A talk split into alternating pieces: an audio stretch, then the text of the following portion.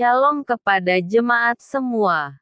Kali ini kita akan sama-sama merenungkan firman Tuhan. Sebelum kita mulai, jangan lupa untuk subscribe Hosiana TV ini ya.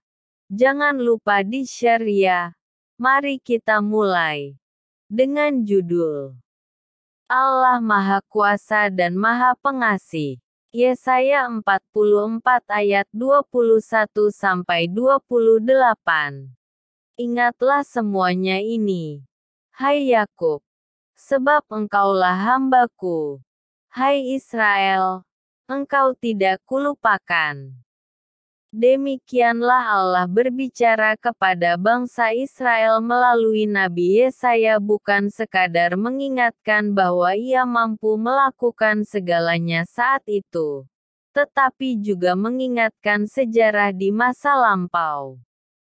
Sejak dahulu Allah telah melakukan segala yang dikehendakinya di bumi ini. Allah berkata, Engkau tidak kulupakan, Sebab sejak zaman Abraham, Ishak, dan Yakub, Allah sudah mengikat perjanjiannya. Bahwasanya, dengan kasih setianya terhadap janji kepada umatnya, Allah telah menghapus segala pemberontakan mereka.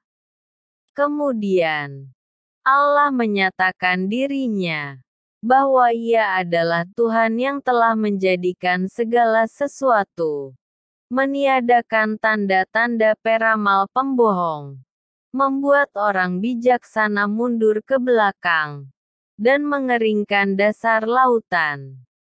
Allah yang menyatakan kemahakuasaannya atas seluruh dunia mengingatkan kita kepada isi pertama dari sepuluh hukum Taurat Betapa luar biasanya kuasa Allah yang disembah bangsa Israel. Dan juga kita. Yang sanggup menundukkan segala sesuatu di bumi ini. Bahkan dalam rencananya untuk kebaikan hidup orang percaya di bumi.